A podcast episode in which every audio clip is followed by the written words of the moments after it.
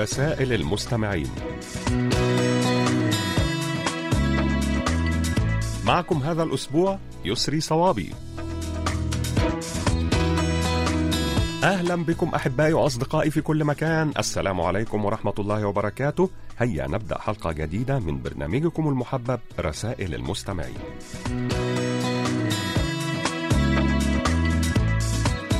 وفي البداية نشكركم أيها الأصدقاء الأعزاء على تعليقاتكم حول الموضوع الذي طرحناه الأسبوع الماضي وهو الشيء أو العادة اليومية التي يمكن أن تجعلنا نبقى إيجابيين ومتفائلين. وسوف نستعرض خلال هذه الحلقة بعض الردود التي جاءت إلينا على صفحتنا على فيسبوك.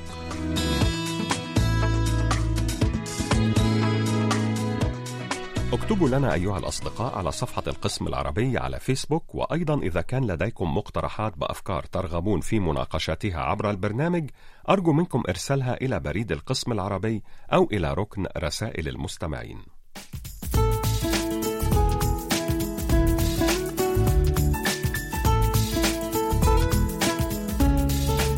ونبدأ مع صديقنا العزيز محمد السيد عبد الرحيم عنوانه شارع الشوشة مركز الحسينية الرقم البريدي 44654 محافظة الشرقية مصر وأقوال عن العمل والنجاح.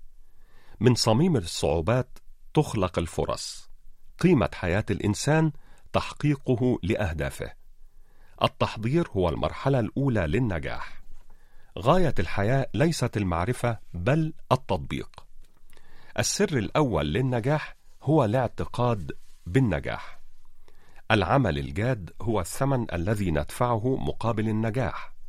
الإنسان الناجح هو الإنسان الذي يستغل الفرص. الخطوة الأولى للنجاح في أي موضوع هي الاهتمام به. يستطيع الناس تغيير حياتهم بمجرد تغيير وجهات نظرهم. لا تخلط بين ما تستطيع القيام به وما لا تستطيع القيام به. ليس المهم ما بلغته من نجاح. المهم ما أصبحت عليه بعد النجاح. الإنسان الناجح يركز على القيام بالأعمال الصحيحة أكثر من التركيز على القيام بالأعمال بشكل صحيح.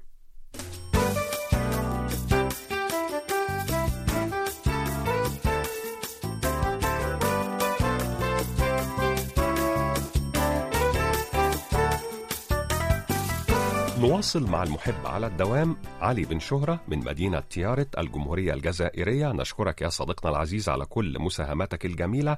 ومنها هذه المساهمة التي كتبتها تحت عنوان تفتحت الورود فهلت السعادة. وتقول تفتحت الورود في الربيع فهلت معها السعادة وأشكال البهجة المختلفة. ففي ألوان الورود حياة كاملة مليئة بالفرح الكبير الذي يختبئ بين بتلاتها. فالربيع أجمل فصول العام وأكثرها إشراقا وحيوية ونضارة وهو الفصل الذي تجتمع فيه كل ألوان الجمال وعطر الورود ويستطيع كل شخص أن يتنسم من عبير هذه الورود ويغرق في خياله الذي يأخذه لعالم الأحلام الجميل المحمل بالأمل والتفاؤل. ما أجمل ورود الربيع وخضرته وشمسه وماءه وما أجمل أجواءه التي لا تنفك تشعل القلب حماسة وفرحا وتدغدغ الروح بالكثير من السعادة التي تتولد مع كل وردة تتفتح في كل صباح الذي يسكن على أوراقها الندى فيعطي معنى أروع لها ويكتب حكاية جميلة يرويها لكل من يشم هذه الورود الرائعة. فما أجمل الربيع إنه عروس الفصول جميعها.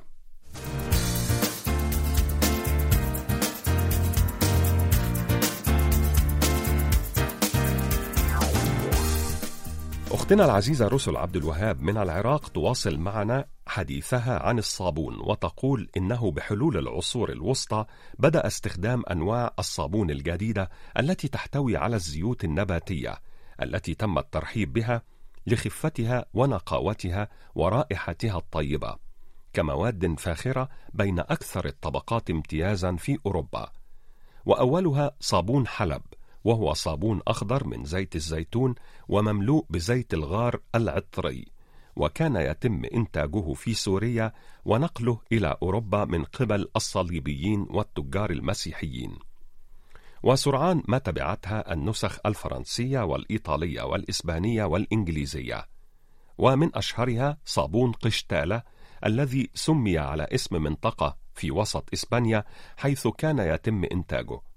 أيضا كان صابون البار الأبيض المعتمد على زيت الزيتون عنصرا شائعا في أدوات الزينة بين أفراد العائلة المالكة الأوروبية وأصبح الصابون القشتالي مصطلحا عاما لأي صابون صلب من هذا النوع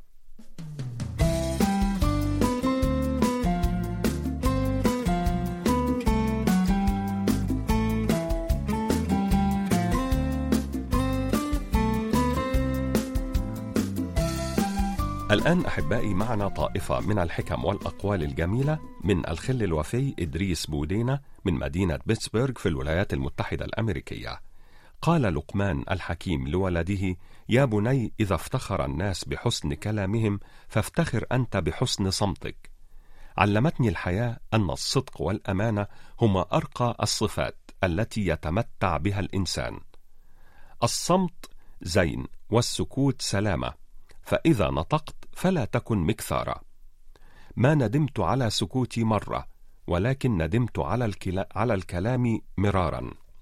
لا تخف من مواجهة الحياة فإن بدا عليك الخوف زادت عليك الصعاب. الشيطان يجعل من النزاع التافه عراكا داميا.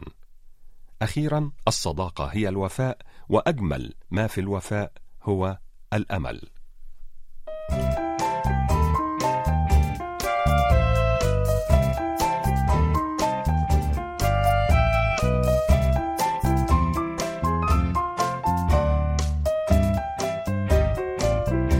نواصل أحبائي استعراض مساهماتكم الجميلة ومعنا مساهمة طريفة من صديقتنا العزيزة ربيعة من مدينة تلمسان بالجمهورية الجزائرية. والمساهمة عن أصل المثل العربي رجعت حليمة لعادتها القديمة حليمة هي زوجة حاتم الطائي الذي اشتهر بالكرم بينما اشتهرت هي بالبخل وكانت إذا أرادت أن تضع سمنا في الطعام أخذت الملعقة ترتجف في يدها. فأراد حاتم أن يعلمها الكرم فقال لها إن الأقدمين كانوا يقولون إن المرأة كلما وضعت ملعقة من السمن في الطعام زاد الله بعمرها يوما فأخذت حليمة تزيد ملاعق السمن في طعامها حتى صار طيبا وتعودت يدها على السخاء. ولكن شاء الله أن يفجعها بابنها الوحيد الذي كانت تحبه أكثر من نفسها فجزعت وتمنت الموت. وأخذت بعد ذلك تقلل من وضع السمن في الطعام حتى ينقص عمرها وتموت. فقال الناس عادت حليمة إلى عادتها القديمة.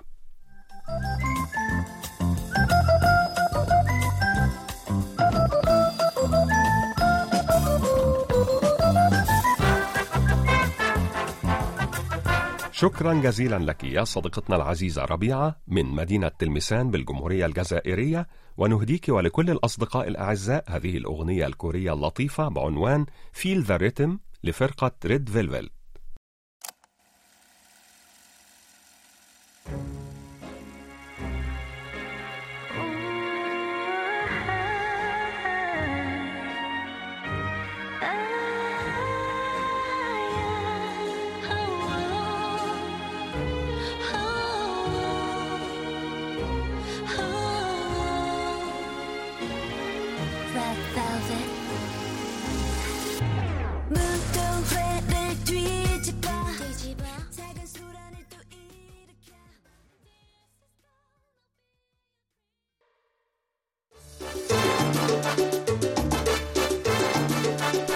الآن إليكم أحبائي وأصدقائي بعض الردود السريعة عن رسائلكم. أحبائي وأصدقائي أدعوكم جميعا لإرسال تسجيلاتكم الصوتية التي تحتوي على مساهمات أو كلمات كتبتموها بأنفسكم أو مقترحات أو أفكار تريدون توصيلها عبر البرنامج. شكرا لمستمعنا الوفي أبو علي مؤمن من الكاليتوس بالجزائر على هذه الحكم هناك من يؤمن بالتخويف وهناك من يؤمن بالمنطق وهناك من يؤمن بالترغيب. تتمتع أو تمتع بما تملكه اليوم قبل أن تفقده في الغد فكلما ستملك أشياء ستفقد أشياء أخرى. ومشكورة يا صديقتنا المخلصة وراصدتنا الرسمية أوج شيماء من العاصمة العراقية بغداد على هذه الكلمات الحكيمة عندما يتصل بك الماضي اقفل الهاتف واذهب لتعانق الحاضر. هذه فلسفة السعادة. ولا تستدر. لترى الماضي فلو كان فيه خير لكان حاضرك الآن. وقبل أن ترفع عينيك وتطلب من الله المفقود أنزل عينيك واشكره على الموجود.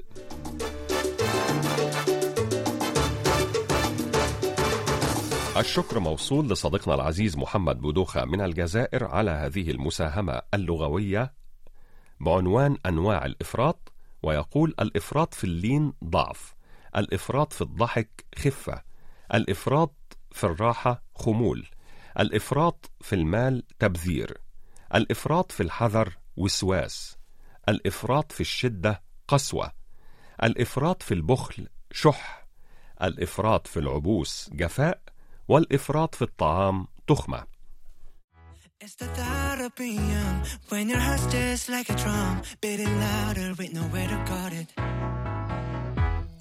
يلا كي بوب يلا كي بوب مسابقة الكيبوب للعرب عبر الإنترنت. لقاء ساخن بين العرب والكيبوب.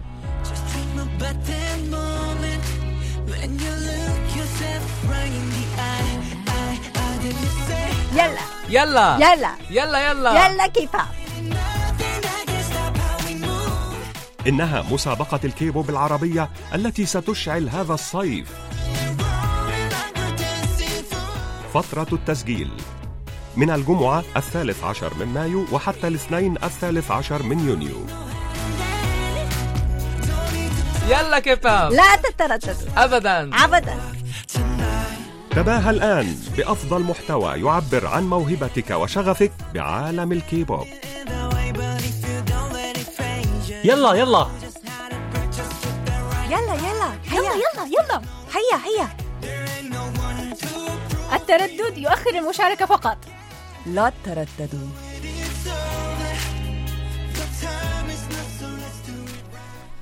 إذا نواصل أحبائي مع المستمع المخلص جدا ورفيق الدرب المتواصل عبد الرزاق قسمي صندوق بريد 32 بني ثور ولاية ورقلة 30009 الجمهورية الجزائرية ويحدثنا هذا الأسبوع عن اليوم العالمي للأشخاص ذوي الإعاقة الموافق للثالث من كانون أول ديسمبر.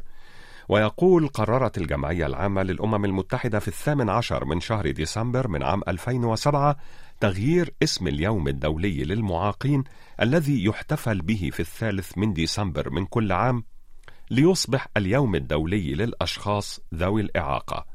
وأعلنت الجمعية العامة للأمم المتحدة عن هذا اليوم في سنة 1992 وبعد ذلك ناشدت الدول الأعضاء إلقاء الضوء على الاحتفال بذلك اليوم بغية مواصلة إدماج الأشخاص ذوي الإعاقة في المجتمع.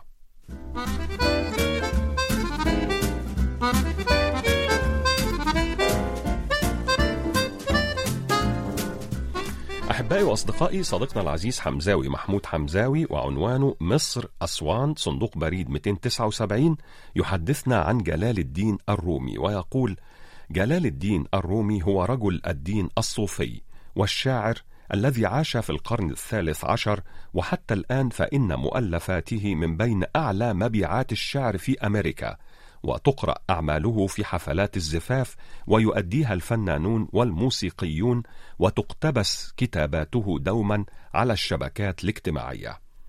ولد جلال الدين الرومي في وسط آسيا على الأغلب في طاجيكستان بالقرب من حدود أفغانستان. وتأثر الرومي نتيجة للبيئة التي نشأ فيها بعدة ديانات فتلك المنطقة كانت يوما ما جزءا من إمبراطورية فارس الكبرى ولذا تأثر بالديانة الزرادشتية. وفي بدايات منتصف القرن السابع بدأت القبائل العربية في السيطرة على تلك المنطقة فأضافت الدين الإسلامي إلى تنوع الأديان في تلك المنطقة. وينحدر الرومي من أسرة من رجال الدين فكان والده بهاء الدين يلقي بعض الدروس في المسجد وكان قاضيا شرعيا سنيا وكان صارما بشأن تطبيق القواعد والأسس الدينية. ومن أشهر مؤلفات جلال الدين الرومي ديوان المثنوي الذي كتبه باللغة الفارسية وتمت ترجمته إلى ما يزيد عن 22 لغة.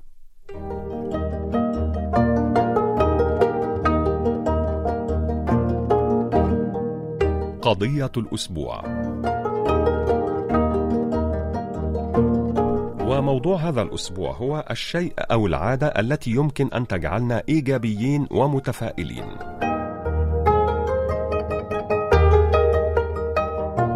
بركة مبارك تقول الابتسامة والفرفشة والنكت والضحك. ضحى تقول المشي. نورة تقول احتساء القهوة وتناول الطعام. أمال جمعة تقول آخذ بضع دقائق لتصفية الذهن دون التفكير في شيء وأن أخبر نفسي ما تريد سماعه من كلمات إيجابية وأبعد عن السلبية وإن لم يسر اليوم كما خططت له فسوف أعتبر أنها كانت فرصة لتعلم شيء جديد. عماد الكومي يقول: الشيء أو العادة التي يمكن أن تجعلنا إيجابيين ومتفائلين هي ذكر الله وبها تطمئن القلوب ومنها لا نحزن أبدا والله. إلهام غالم تقول: بالنسبة لي الجلوس ولو خمس دقائق في مكان هادئ بعيدا عن الضوضاء ومحاولة الاسترخاء ولو كان في الطبيعة لكان أفضل. أخيرا لدينا مساهمة من ريهام تقول عندما أستيقظ من النوم أقول لنفسي الحمد لله أنا بصحة جيدة اليوم أيضا وكل شيء سيكون بخير.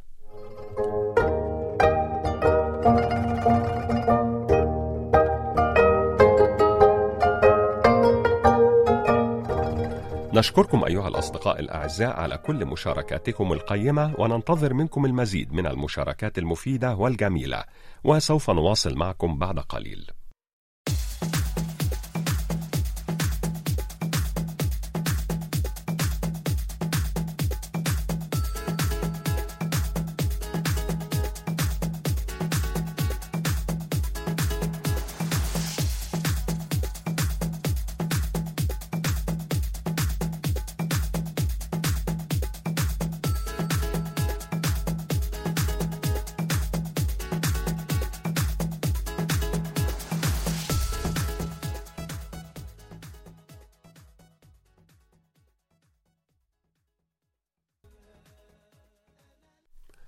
نواصل أحبائي وأصدقائي مع الصديقة إلهام غالم من تلمسان بالجزائر التي تستمر معنا في الحديث عن فوائد النوم وتقول يعيد النوم تهيئة نظامنا المناعي ويساعدنا في مكافحة الأذيات والوقاية من العدوى ودرء أنواع كثيرة من الأمراض.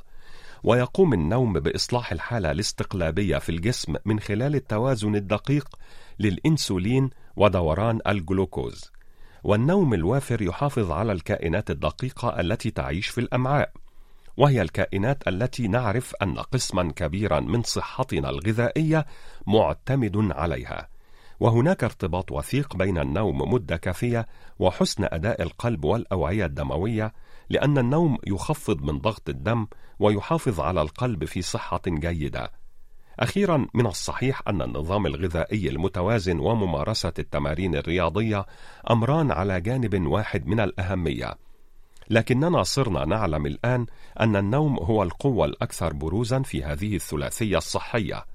فالأضرار الجسدية والعقلية الناجمة عن ليلة واحدة من النوم السيء أكبر من الأضرار الناجمة عن فترة مماثلة من الانقطاع عن الأكل أو النشاط الجسدي.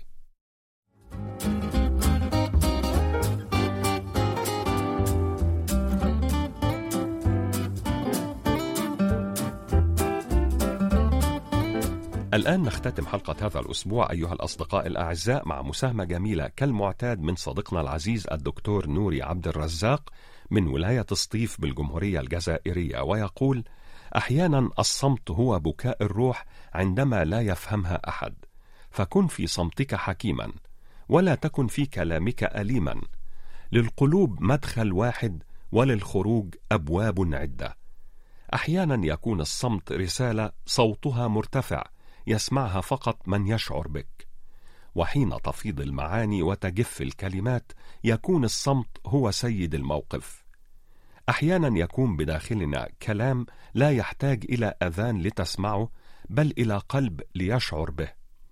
ونحن نصمت أحيانا رغم الوجع لأننا نعلم أن حديثنا لن يغير شيئا. هناك أشخاص من شدة روعتهم تجد أن كل ما فيهم يذهلك. أساليبهم حروفهم كلماتهم. كلماتهم الدافئة التي تشبه نبض القلوب. تراهم كقطرات الندى على الزهور فما أجمل هؤلاء؟ الطيبون إذا لم تعرفهم فإن طيبتهم تدلك عليهم. وأهل الوفاء والطيبة لا يحتاجون إلى من يدلك عليهم فهم أعلام شامخة في عصر أصبح الوفاء فيه ماض جميل. الوجوه التي نحبها لا تغيب عنا ابدا مهما شغلتنا الدنيا عنهم. فالذين يشعرون بنا دوما من كلماتنا هم أولئك الذين يبادروننا بالسلام واللطف كلما شاهدوا أحرفنا.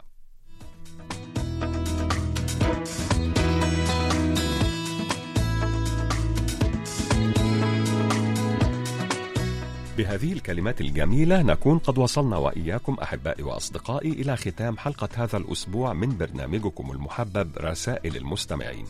إن شاء الله نلتقي في مثل هذا الموعد من الأسبوع القادم وحتى ذلك الحين إليكم تحيات مخرجة البرنامج قمر كيم يونغ وتحياتي يسري صوابي.